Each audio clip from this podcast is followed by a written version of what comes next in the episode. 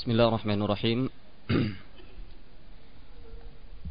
إن الحمد لله نحمده ونستعينه ونستغفره ونعوذ بالله من شرور أنفسنا ومن سيئات أعمالنا.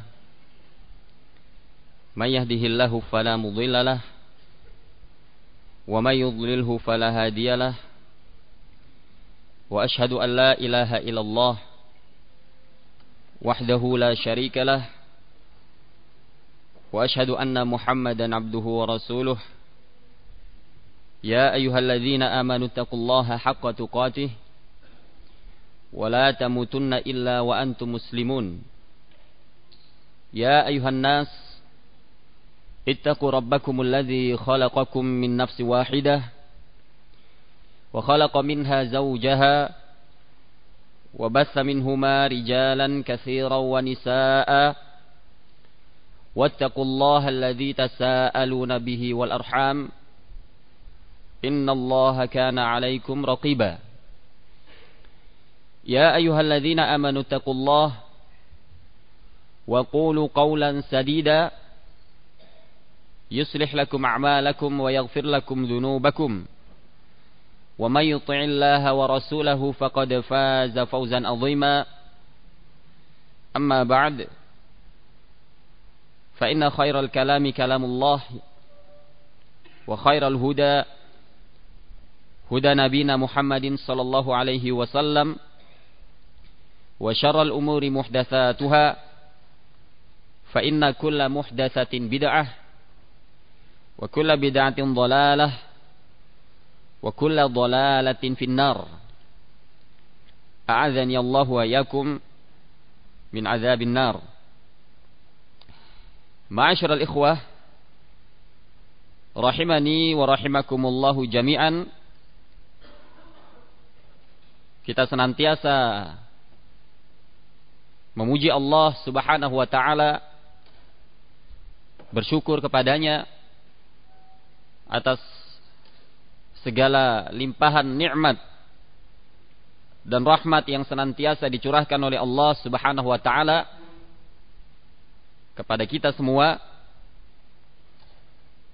sehingga sampai detik ini Allah Subhanahu wa taala masih memberikan kesempatan kepada kita untuk bisa duduk bermajelis mengadakan kajian-kajian ilmiah.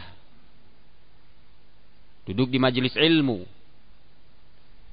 mendengarkan ayat-ayat Allah Subhanahu wa taala dan hadis-hadis Rasulullah sallallahu alaihi wasallam dibacakan.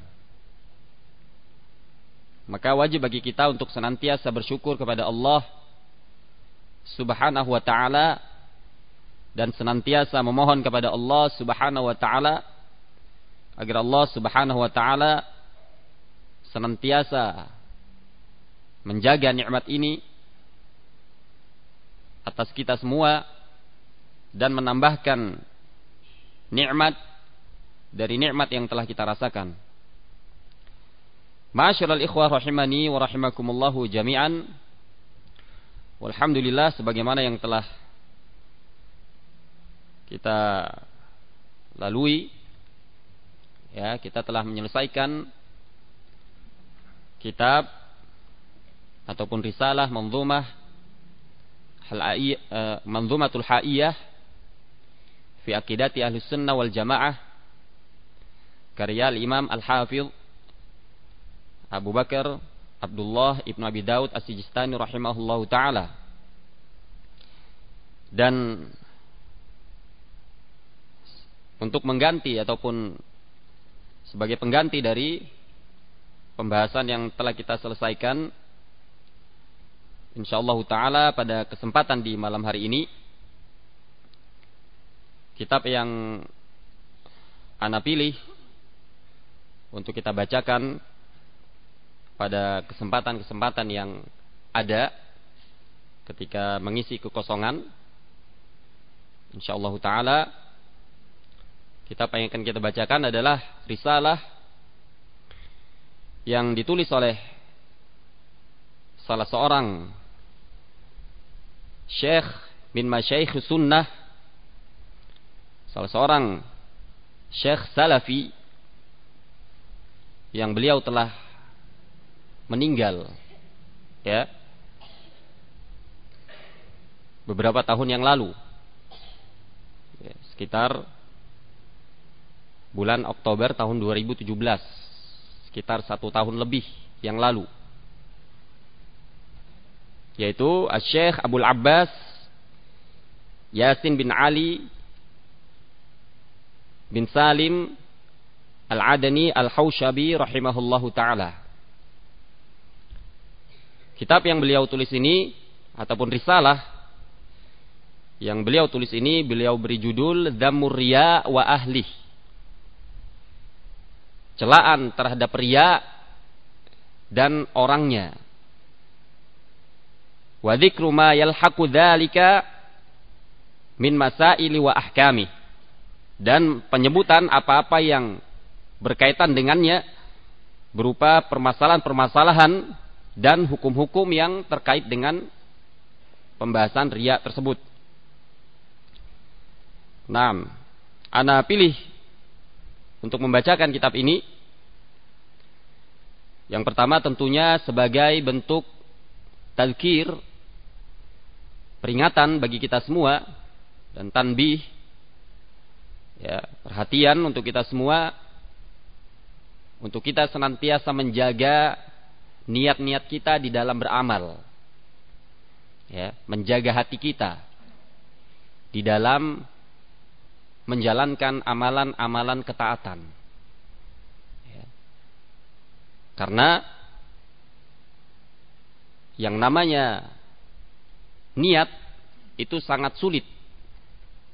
Ya untuk seorang mengendalikannya kecuali dia memang bersungguh-sungguh. Jangankan kita, para ulama di antara mereka dia mengatakan ya Al-Imam Sufyan Ats-Tsauri beliau mengatakan ma alajtu syai'an ashaddu min niyati li'annaha tataqallab Tidaklah aku mengobati sesuatu yang paling berat daripada niatku. Karena niat tersebut senantiasa tetakolab, berbolak-balik. Nah, ini para ulama. Terlebih kita, hamba-hamba Allah Subhanahu wa taala yang lemah. Ya. Nah, yang lebih didominasi mayoritasnya ya, oleh syahwat-syahwatnya. Nah, tentunya kita lebih lagi butuh untuk senantiasa mengingat dan diingatkan pentingnya ikhlas di dalam menjalankan amalan-amalan ketaatan kepada Allah Subhanahu wa taala terkhusus ya tolabul ilm menuntut ilmu. Ya karena banyak orang-orang yang belajar menuntut ilmu ya dengan niat-niat yang tidak ikhlas akhirnya ilmu tersebut tidak bermanfaat baginya. Bahkan mencelakakan dirinya waliyadzubillah. Demikian pula alasan kita membacakan kitab ini ya adalah nasihat yang disampaikan oleh sebagian masyayikh terkait Syekh Yasin Al-Adani rahimahullah untuk menyebarkan ilmu beliau ke tengah-tengah kaum muslimin. Ya. Nah, agar pahala dari apa yang telah beliau tuliskan ya, yang beliau wariskan berupa karya-karya ilmiah itu terus mengalir kepada beliau pahalanya. Nah, dan beliau adalah salah seorang syekh ya, yang sangat mumpuni dalam permasalahan akidah. Beliau memiliki karya-karya ataupun tahqiqat dalam ya kitab-kitab akidah.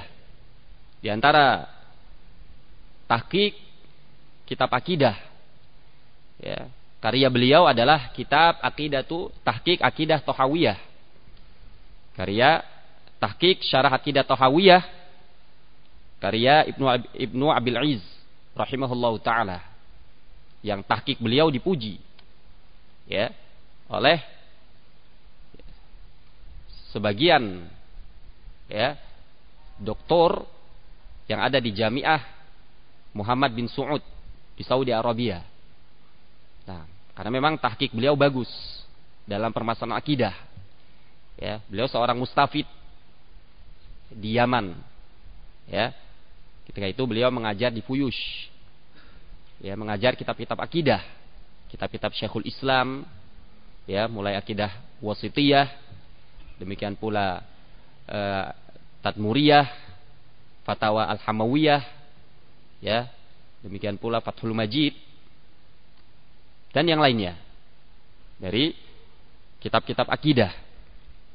Nah, dan beliau Syekh Yasin Al-Adni rahimahullah beliau meninggal ya yang mungkin antum telah mendengar khabarnya. Beliau meninggal dibunuh oleh orang-orang Khawarij ya orang-orang ISIS ataupun orang-orang Al-Qaeda orang-orang Khawarij yang mereka memang di daerah Aden di Yaman itu sangat banyak. Ya. Di Yaman kalau di daerah utara, daerah Shimal, daerah Son'a itu banyak orang-orang Syiah, orang-orang Rafidhah. Adapun di daerah Janub, daerah selatan Aden itu banyak orang-orang Khawarij yang mereka memang ya mengintai para masyayikh sunnah mencari kesempatan untuk bisa menghabisi mereka Nah, ini kebencian orang-orang khawarij terhadap doa itu sunnah.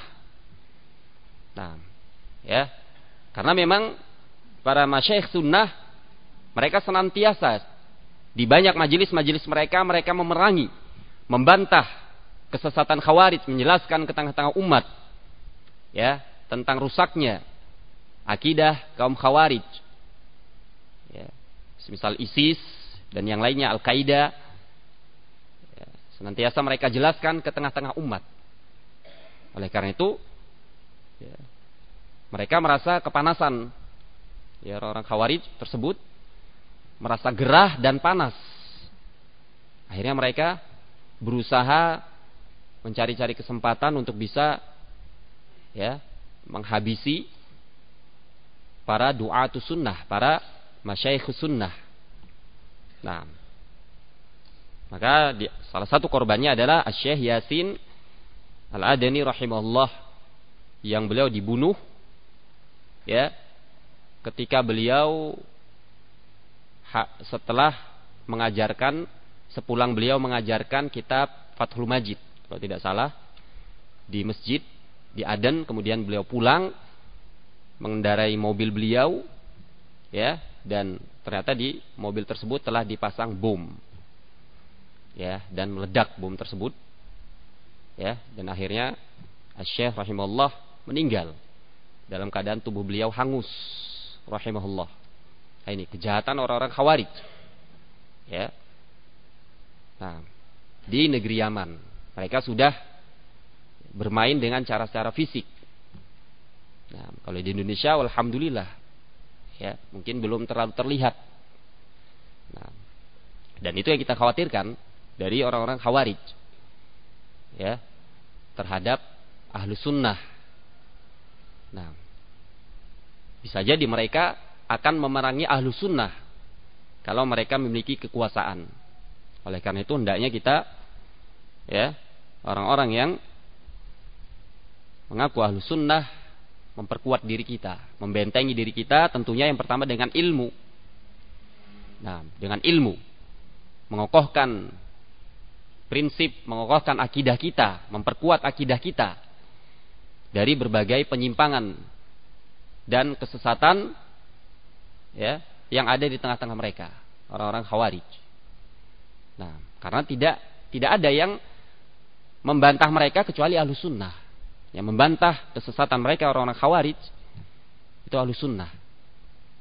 Nah, tentang rusaknya manhaj mereka, metode mereka dalam berdakwah, ya, senantiasa menentang mereka adalah ahlu sunnah. Taib. Maka ini sekilas tentang uh, al-muallif rahimahullah. Dan di dalam kitab ini beliau ya menjelaskan terkait dengan permasalahan arya. Beliau jelaskan ya dengan membuat beberapa fasal dengan uh, beberapa fasal ya yang beliau dahului dengan tamhid ya, yang dijelaskan di dalamnya tentang ya uh, tujuan ibadah yaitu bukan dari sisi banyaknya nah tapi dari sisi diterimanya ibadah tersebut demikian pula beliau ya menjelaskan di dalamnya tentang definisi ria, rukun-rukun ria. Ya, demikian pula perbedaan antara ria dan sum'ah, amalan-amalan yang tergolong ria dan yang bukan ria. Ya, nanti akan dijelaskan oleh beliau dan insyaallah akan kita lewati pada pembahasannya. Baik, kita langsung masuk pada al-faslul awal. Fasal yang pertama. Fi bayani anna sya'na laisa bikasratil ibadah bal sya'nu an takunal ibadatu makbulah penjelasan tentang bahwa yang menjadi urusan ini menjadi persoalan bukan banyaknya ibadah bal sya'nu bahkan yang menjadi persoalan yang menjadi urusan tolak ukur antakunal ibadatu makbulah ya yang menjadi urusannya adalah ibadah tersebut makbulah, diterima. Ini. Ini bukan yang diperhatikan itu banyaknya ibadah, tapi yang diperhatikan adalah ibadah tersebut diterima atau tidak. Nah, dengan memperhatikan syaratnya. Kata beliau di sini, rahimallah, kama huwa ma'lumun anna Allah Ta'ala khalaqal khalqa li ajli tilkumul ghayatul kubra. Sebagaimana perkara yang maklum bahwa Allah Subhanahu wa taala menciptakan makhluk dalam rangka untuk tujuan yang besar tersebut. Wahyal qiyamu bi ibadatihi wa ta'ati. Yaitu menjalankan ya, peribadahan kepadanya dan ketaatan kepadanya. Kama qala ta'ala sebagaimana Allah Subhanahu wa taala berfirman, Wa ma khalaqtul jinna wal insa illa liya'budun. Ma uridu minhum min rizqin wa ma uridu an yut'imun. Nah, Allah Subhanahu wa taala berfirman dan tidaklah aku ciptakan al-jin wal ins jin dan manusia illa liya'budun kecuali untuk beribadah kepadaku. Ya. Di nukilkan dari tafsir Ibnu Abbas, beliau mengatakan liya'budun ay yuwahidun. Yaitu untuk mentauhidkan aku. Nah, tidaklah aku menciptakan jin dan manusia kecuali untuk mentauhidkan aku. Ma uridu minhum min rizqin tidaklah aku menginginkan dari mereka rezeki dan tidaklah aku menginginkan dari mereka untuk mereka memberi aku minum. Kata Allah, subhanahu wa ta'ala. Maka ini tujuan diciptakannya makhluk. Jin dan manusia. Yang diberi beban ibadah. Ya. Karena jin dan manusia ini dua makhluk. Ya. Yang mukallaf. Yang diberi e, beban taklif untuk melakukan ibadah. Nah ini. Dan dari sini kita mengetahui bahwasannya jin sama dengan manusia. Dari sisi sama-sama mendapatkan ya beban tugas untuk beribadah kepada Allah. Nah, demikian pula al-jannah wan nar itu dimasuki oleh jin demikian pula manusia. Nah, ya jadi Jin itu ada yang mukmin, ada yang kafir, ada yang saleh, ada yang fasik, ada yang sunni, ada yang mubtadi'. Sama seperti manusia. Ya. Nah, demikian pula dari ayat ini kita bisa mengambil faedah bahwasannya jin itu lebih diciptakan ya terlebih dahulu sebelum manusia. Disebutkan di sini jin kemudian manusia. Wa ma khalaqtul jinna wal insa. Menunjukkan bahwasanya jin itu lebih dahulu diciptakan daripada manusia. Ya.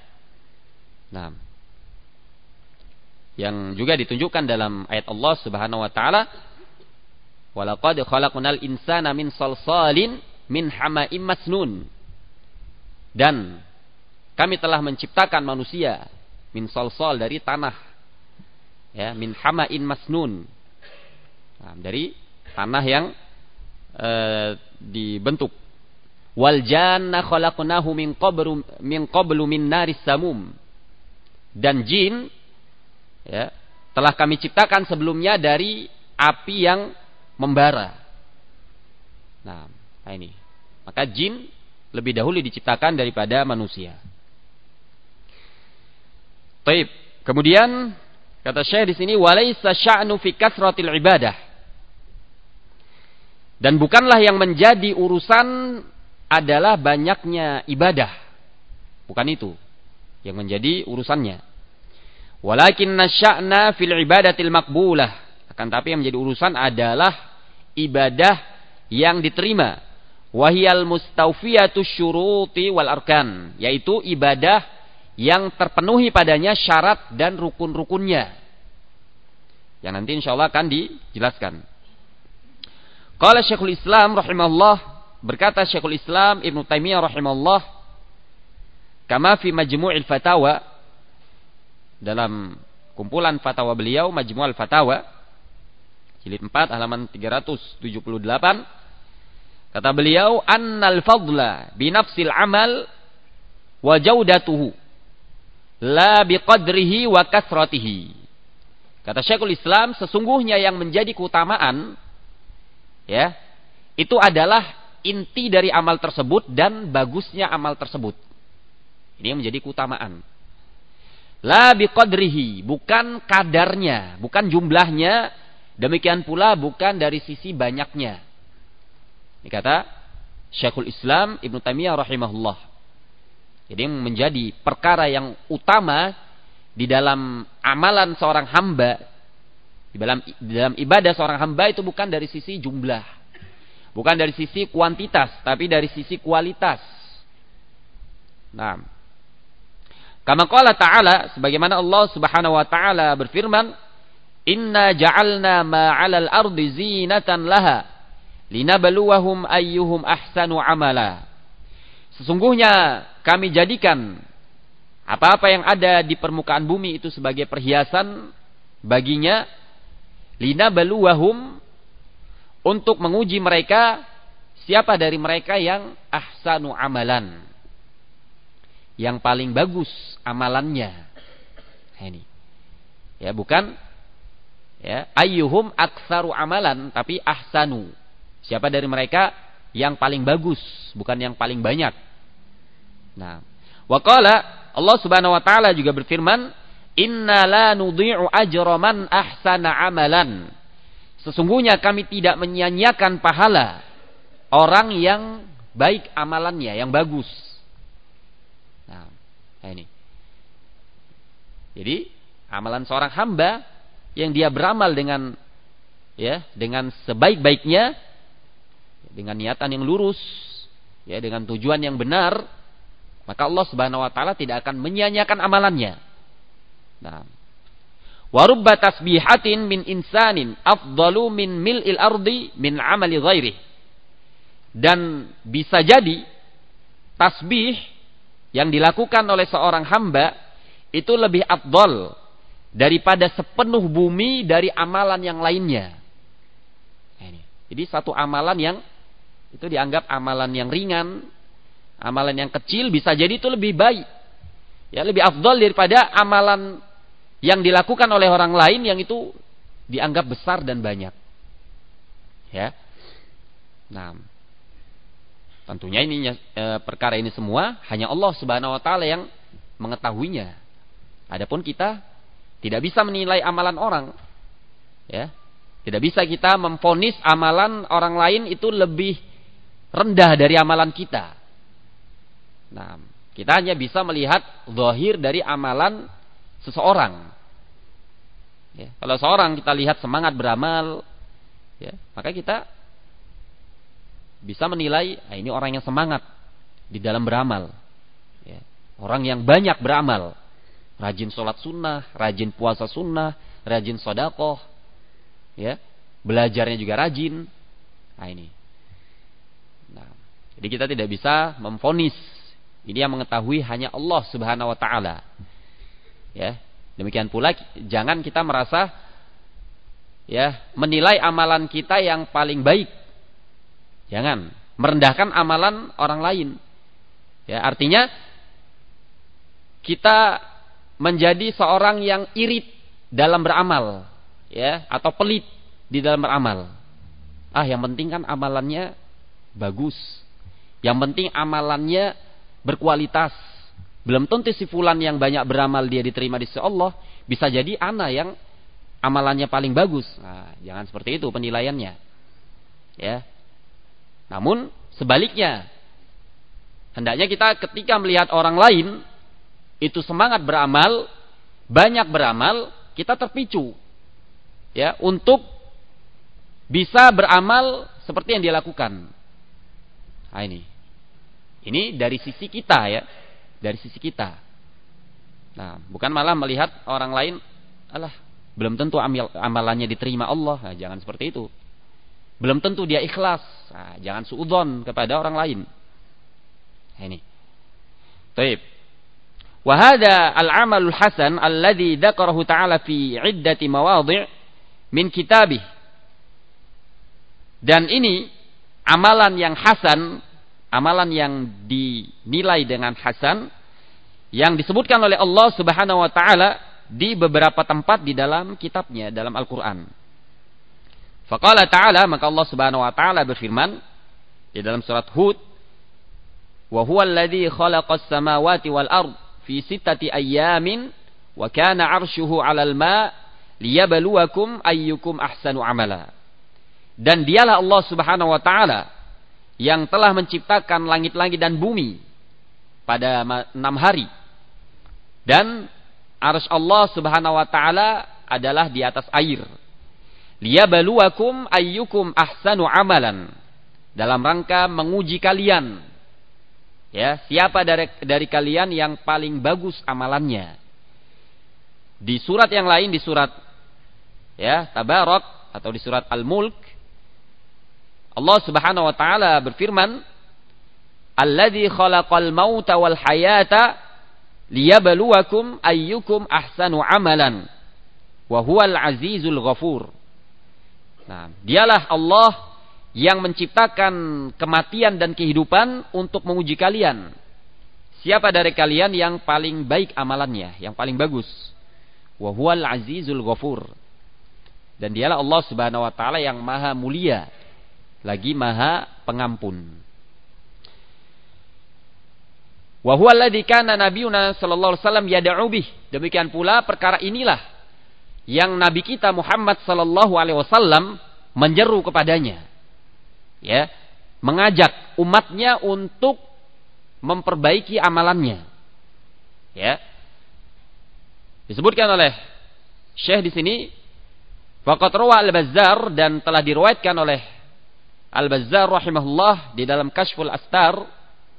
Faqala beliau mengatakan haddatsana Amr bin Abdullah Al-Audi telah menyampaikan kepada kami Amr bin Abdullah Al-Audi qala beliau mengatakan haddatsana Waqi' telah menyampaikan kepada kami Waqi' an Israel an abihi dari Israel dari ayahnya an Abi Ishaq dari Abu Ishaq ya An Abil Ahwas an Abdullah dari Abul Ahwas dari Abdullah yaitu Abdullah bin Mas'ud radhiyallahu anhu.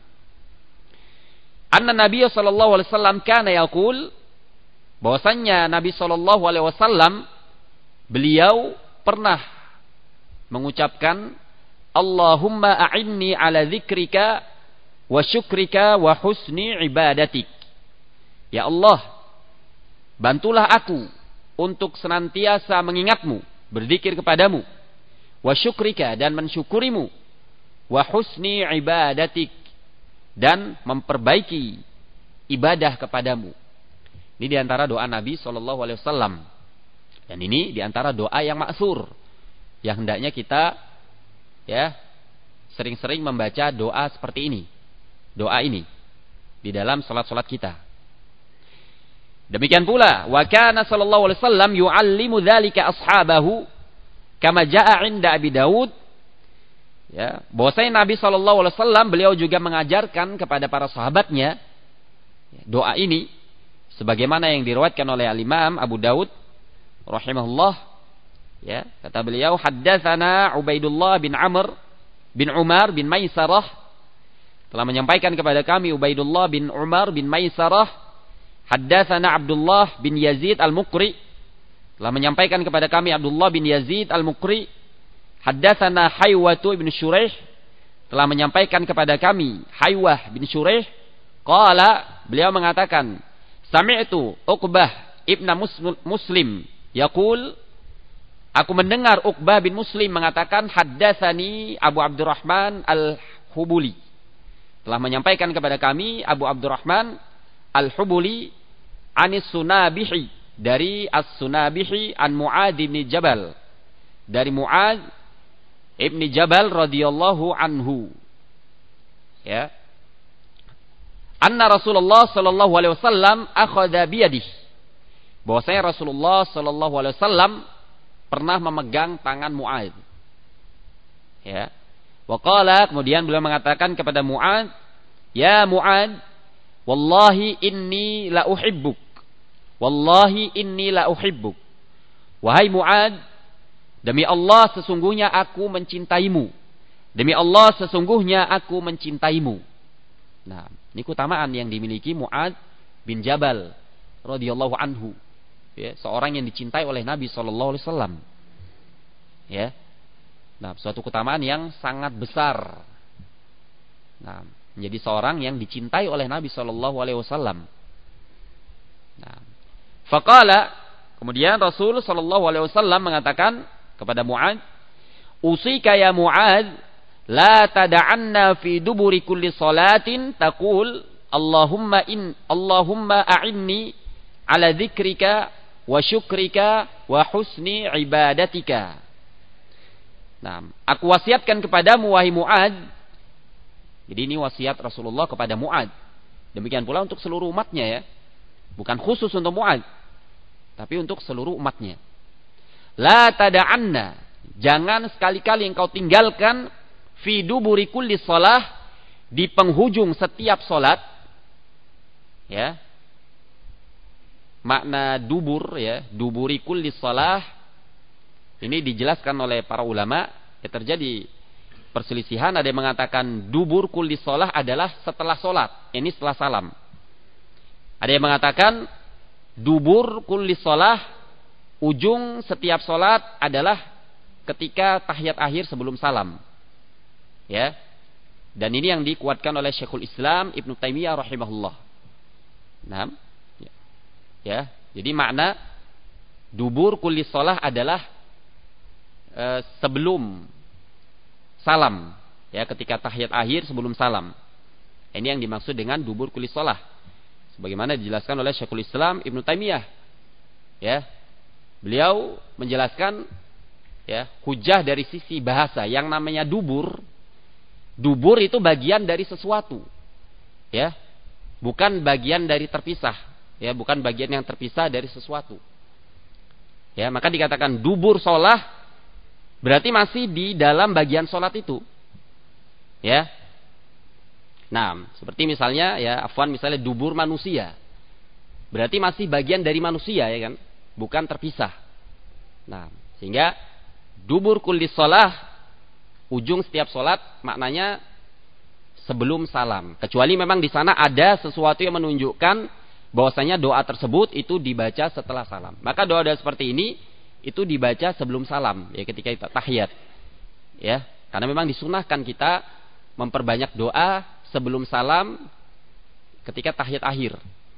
Nah, maka ini doa yang diajarkan oleh Rasulullah sallallahu alaihi wasallam kepada Muad Ibn Jabal radhiyallahu taala anhu, Allahumma a'inni ya Allah ya tolonglah aku ala zikrika untuk mengingatmu wa syukrika dan mensyukurimu wa husni ibadatik dan memperbaiki ibadah kepadamu. Ya. Demikian pula disebutkan oleh Ibnu Abi Dunya rahimahullah di dalam kitab Al-Ikhlas ya. Beliau menyebutkan dengan sanatnya sampai kepada Ibrahim Ibnul Ash'ad rahimahullah ketika membaca firman Allah liyabluwakum ayyukum ahsanu amalan. Untuk menguji kalian siapa di antara kalian yang paling bagus amalannya ya beliau mengatakan akhlasuhu wa aswabuhu. Yang dimaksud dengan ahsanu amalan adalah akhlasuhu wa aswabuhu, yang paling ikhlas dan yang paling benar. Nah, Qala kata beliau Ibrahim bin Al-Ash'ad, "Innal amala in kana khalisan wa lam yakun sawaban lam yuqbal." Sesungguhnya suatu amalan apabila ikhlas akan tetapi tidak benar, tidak mengikuti sunnah, lam yukbal, maka tidak diterima.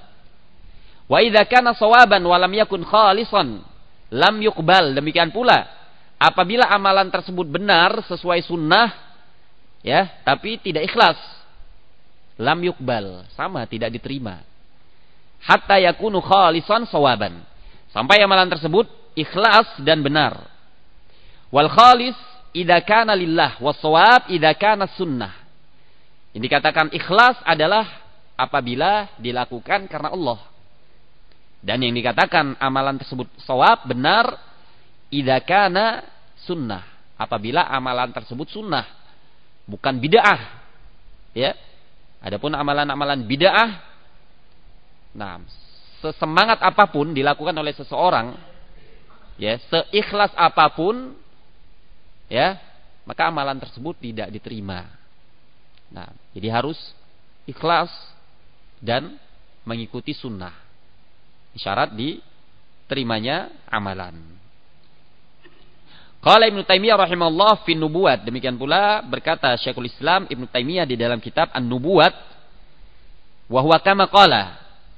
Beliau mengatakan dan itu seperti yang dikatakan oleh Ibrahim bin Al-Ash'ad. Ya. Fa inna hadainil asliyain Aslain huma dinul Islam alladzi irtadahu Allah. Karena dua pondasi ini, dua asal ini ikhlas dengan sunnah ini merupakan agama Islam yang diridhoi oleh Allah Subhanahu wa taala. Amalan yang diridhoi oleh Allah Subhanahu wa taala. Ya, harus ada dua perkara ini. Kama qala sebagaimana Allah Subhanahu wa taala berfirman, "Wa man ahsanu dinan mimman aslama wajhahu lillah wa huwa muhsin wattaba'a millata Ibrahim hanifa wattakhadallaha wattakhadallahu Ibrahim Ibrahim khalila.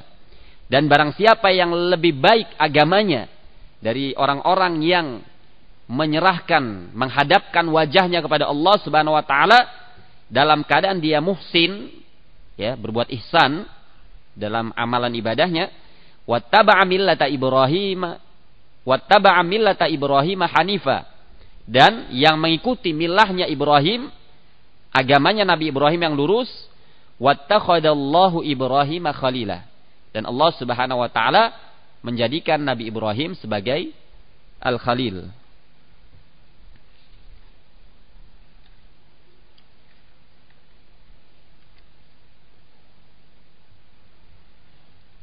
Baik, kita lanjutkan sedikit. Qala rahimahullahu taala Falladhi aslama wajhahu lillah huwa alladhi yukhlisu niyatahu lillah wa yabtaghi bi'amalihi wajh Allah.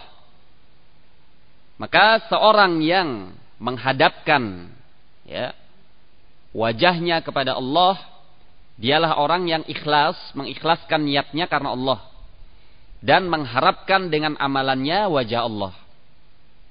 Ini dikatakan Ya, aslama wajahahu lillah.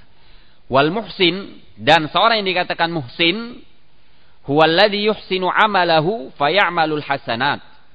Wal hasanat hiyal amalu salih. Dan seorang yang muhsin adalah seorang yang memperbagus amalannya dan mengamalkan amalan-amalan kebaikan. Wal hasanat dan hasanat hiyal amalu soleh yaitu amal soleh. Ya. Wal amalu soleh dan yang dikatakan amal soleh huwa ma amarallahu bihi wa rasuluh adalah yang diperintahkan oleh Allah dan Rasulnya. Ya, ini yang disyariat, disyariatkan oleh Allah Subhanahu wa taala dan Rasulnya. Bukan bukan amalan bid'ah. Nah. Min wajibin wa mustahabbin. Dari amalan yang wajib ataupun amalan mustahab. Famalaisa min hada wala hada walaisa minal hasanat wal amalu salih falayakunu fa'iluhu muhsinan. Ya, maka yang tidak ada ya dari salah satu perkara ini ya, laisa min hada wala hada ya, amalannya bukan karena Allah dan amalannya bukan amalan-amalan yang disyaratkan ya dan amalan-amalan yang tidak disunahkan laisa minal hasanat wal amalu soleh. Maka yang demikian bukan amalan kebaikan dan amal soleh. Fala yakunu fa'iluhu muhsinan. Maka pelakunya tidak dikatakan muhsin. Ya, tidak dikatakan seorang yang muhsin. Intaha perkataan Syekhul Islam Ibn Taimiyah rahimahullah. Kemudian kata Syekh Yasin, "Na'am, Ya, memang demikian. Wa yusamma kadzalikal amalu saleh dan dinamakan yang demikian itu dengan amalan soleh. Ya, sebagaimana Allah Subhanahu wa taala berfirman, "Man 'amila salihan min dzakarin aw untha wa huwa mu'minun falanuhyiyannahu hayatan thayyibah wala nujiz wala najziyannahum ajrahum bi ahsani ma kanu ya'malun." Barang siapa yang mengamalkan amalan soleh dari kalangan laki-laki maupun wanita dalam keadaan dia mukmin, nah ini beriman. Maka akan kami beri dia penghidupan yang baik. Ya, akan kami hidupkan dia dengan penghidupan yang baik, hayatan thayyibah. Ya, ada yang menafsirkan hayatan thayyibah al-jannah. Wala najziyannahum ajrahum dan akan kami balas dia dengan pahala bi ahsani ma kanu ya'malun dengan sesuatu yang lebih baik dari apa yang mereka amalkan. Nah, jadi amalan di sisi Allah itu eh, balasan di sisi Allah itu lebih baik dari amalan seorang hamba. Yang mana amalan seorang hamba ya, kalau mau dinilai dengan apa yang ada di sisi Allah itu tidak ada harganya. Tidak ada nilainya. Oleh karena itu kata para ulama, Allah Subhanahu wa taala memberikan pahala kepada seorang hamba itu bukan dari bukan dalam rangka mukobalah ya bukan timbal balik. Seperti kita misalnya memberikan seorang upah karena timbal balik atas apa yang dia telah lakukan untuk kita. Ya gaji ataupun mukafaah. Ini namanya mukobalah timbal balik. Adapun pahala dari sisi Allah kata para ulama itu sifatnya bukan timbal balik. Ya. Nah bukan timbal balik, tapi itu sifatnya fadl. Ya, tafaddulan dari Allah, keutamaan dari Allah. Karena sebagaimana yang disebutkan oleh Al-Imam Ibn Rajab Al-Hambali rahimahullah, apabila Allah Subhanahu wa taala memberikan balasan pahala kepada seorang hamba itu sesuai dengan amalannya yaitu dari sisi muqabalah. Maka kata beliau, kata Ibn Rajab, tidak ada satupun hamba ini yang berhak untuk masuk ke dalam al-jannah. Tidak ada. Karena al-jannah itu sangat mahal nilainya. Amalan yang kita lakukan sebesar apa pun itu tidak bisa dinilai ya dengan al-jannah. Nah, nah ini. Ini ya kaidah yang sangat penting untuk kita ketahui. Nah, ya, jangan seorang hamba merasa dengan amalannya tersebut dia bisa membeli surga lah. Ya, amalan tersebut sesuai dengan e, dengan amalnya tersebut dia menuntut kepada Allah ya sesuatu yang lebih misalnya. Nah ini. Dia telah beramal dengan amalan-amalan yang banyak, kemudian dia menuntut kepada Allah. Apabila dia tidak diberi oleh Allah Subhanahu wa taala ya, dengan suatu pemberian misalnya, dia menuntut. Nah, ini orang-orang yang menunjukkan amalannya tidak benar. Ya. Nah, adapun orang-orang soleh, para ulama ahlul ilmi yang mereka sangat mengenal Allah Subhanahu wa taala, kita lihat mereka dalam beramal. Ya, orang-orang yang tamak. Ya, orang-orang yang dalam amalan itu tamak. Ambisi yang sangat kuat mereka untuk beramal, untuk mendapatkan kebaikan.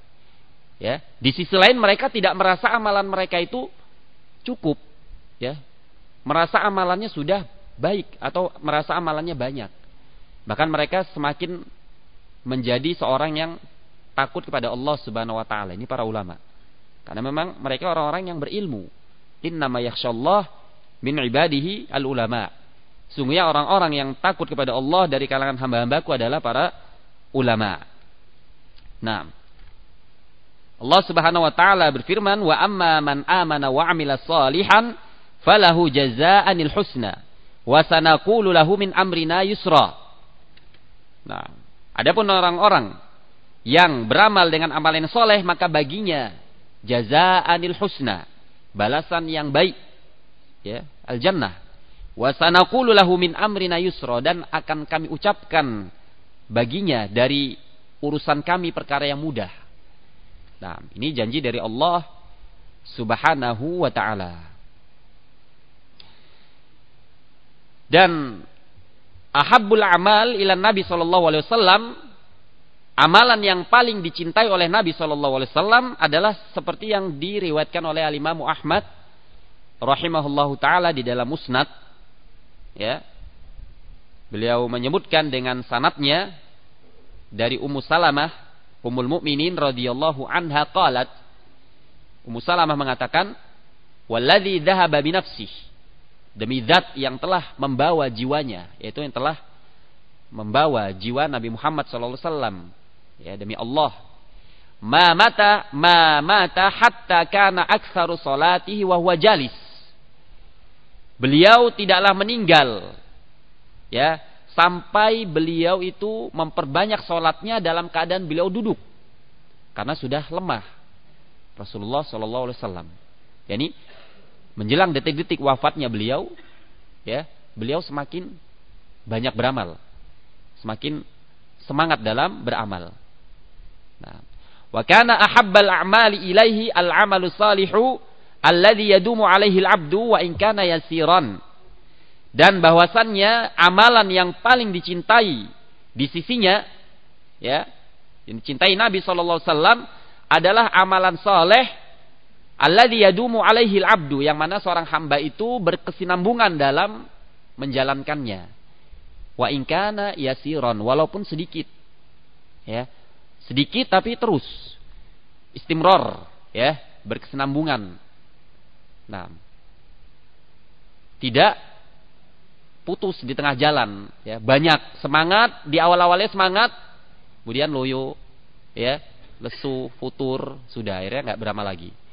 Sholat malam misalnya semangat 12 rakaat. Wah, bangun jam 1 malam. Ya. Sholat panjang sholatnya sampai adzan subuh misalnya. Ya, besoknya sudah lemah, sudah nggak semangat lagi. Nah ini. Yang seperti ini tidak dipuji. Yang dipuji adalah seorang yang walaupun sedikit tapi terus menerus berkesinambungan. Ya, sholat sedikit, tiga rakaat tapi rutin, sholat witirnya setiap hari. Nah ini lebih ya dicintai di sisi Allah Subhanahu wa taala.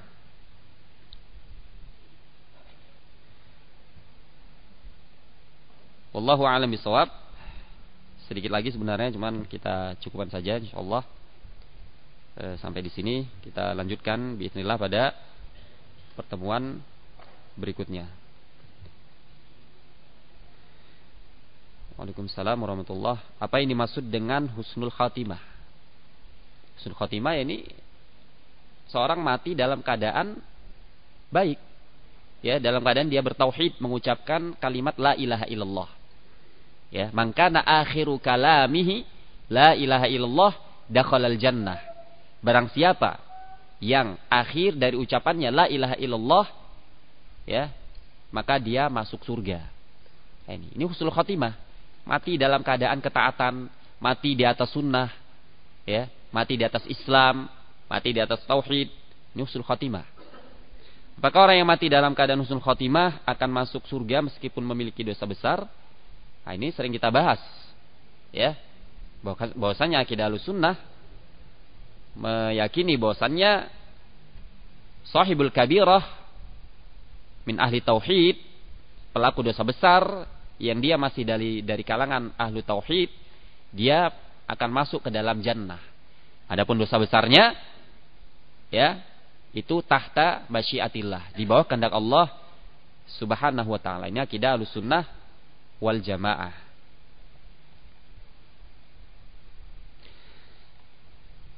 Kesesatan LDII apakah kelompok ini hanya ada di Indonesia? Apakah ada kesamaan dan kelompok sesat yang lainnya?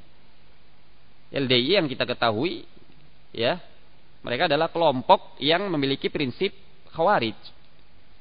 Ya, prinsip-prinsip khawarij. Mereka menganggap orang muslim yang di luar kelompok mereka adalah kafir, bahkan najis. LDI. Ya. Kalau kita berkunjung ke rumah seorang LDI, ya, jangan coba-coba duduk di kursi dia. Ya. Nah, maka akan di setelah kita apa duduk di kursinya misalnya, maka akan dibersihkan karena bekas tempat duduk kita najis menurut dia. Ini LDI yang e, dikenal akidah mereka seperti itu. Nah, belum lagi kesesatan yang lainnya. Hasil mereka adalah khawarij. Nah. Mohon penjelasannya mengenai ilmu dan adab. Karena sering kali Anda mendengar penjelasan beradab dulu baru berilmu. Naam ya terkait dengan adab ini perkara yang sangat penting ya yang harus diperhatikan seorang muslim terutama seorang penuntut ilmu ya nah sebelum dia belajar ilmu nah para ulama mereka itu sebelum mereka mempelajari ilmu ini sebelum mempelajari inti-inti dari ilmu mereka terlebih dahulu mempelajari adab Bahkan dinukilkan dari uh, Al-Imam Ahmad rahimahullah di majelis beliau itu mayoritasnya yang mereka pelajari adalah adabnya Al-Imam Ahmad. Ya, sebagian kecil itu mencatat hadis dari Imam Ahmad. Sebagian besarnya yang dilihat apa? Adab. Ya, adab Al-Imam Ahmad rahimahullahu taala. Karena seorang yang berilmu tapi tidak beradab, maka ilmunya tidak bermanfaat. Nah, tolong nasihat bagi sebagian akhwat yang menghibahi akhwat lain yang biasa menasehati dirinya dan memojokkan seorang yang memberikan nasihat. Nah, tidak diperbolehkan. Riba ini termasuk dosa besar. Ya. Riba termasuk dosa besar. Wala yaktab ba'dukum ba'dha. Jangan kalian ya mengribahi sebagian yang lainnya.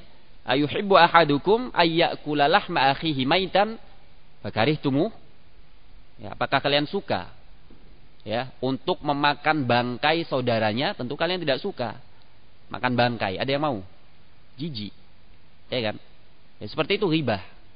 Menceritakan kejelekan orang lain. Ya, yang dijelaskan oleh Rasulullah sallallahu alaihi wasallam, adalah zikru Zikruka akhaka bima yakroh. Engkau menyebutkan dari e, menyebutkan tentang saudaramu apa-apa yang dia tidak suka. Ya. Kalau memang yang disebutkan itu ada pada saudaranya, maka itu gibah. Kalau tidak ada, maka itu dusta. Ya, buhtan.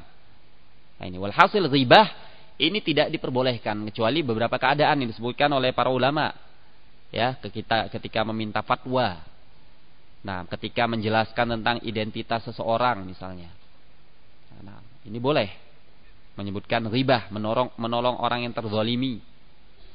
Nah, Ya, adapun menyebut kejelekan ahlul bid'ah ini bukan gibah. Nah, jangan salah paham ya. Menyebutkan kejelekan ahlul bid'ah ataupun orang-orang yang menyelisih sunnah, orang-orang yang menyimpang, ini tidak masuk ke dalam bab ghibah. Ya. Bahkan kalaupun ini dinamakan dengan ghibah, maka ghibah seperti ini adalah ghibah yang diperbolehkan, bahkan terpuji. Ghibah. Nah,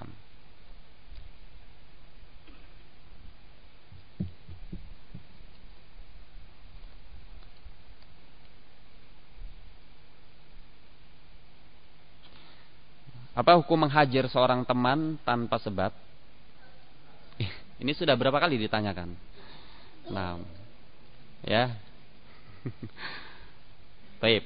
Ya jelas ya, tidak diperbolehkan memboikot temannya tanpa sebab.